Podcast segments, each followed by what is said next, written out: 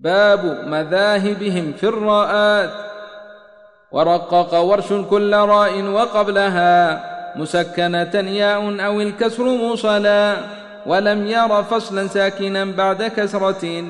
سوى حرف الاستعلاء سوى كملا.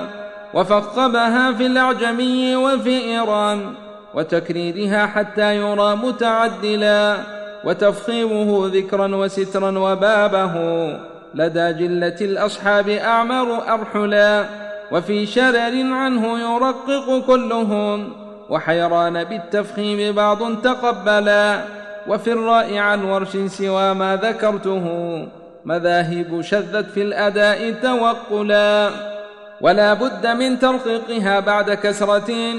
إذا سكنت يا صاحي للسبعة الملا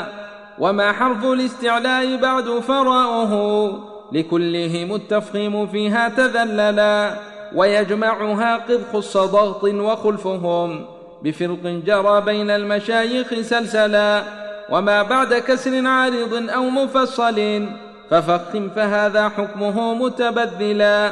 وما بعده كسر أو اليا فما لهم بترقيقه نص وثيق فيمثلا وما لقياس في القراءة مدخل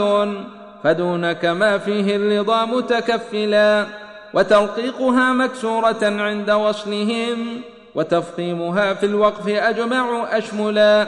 ولكنها في وقفهم مع غيرها ترقق بعد الكسر أو ما تميلا أو الياء تأتي بالسكون ورومهم كما وصلهم فبل الذكاء مصقلا وفيما عدا هذا الذي قد وصفته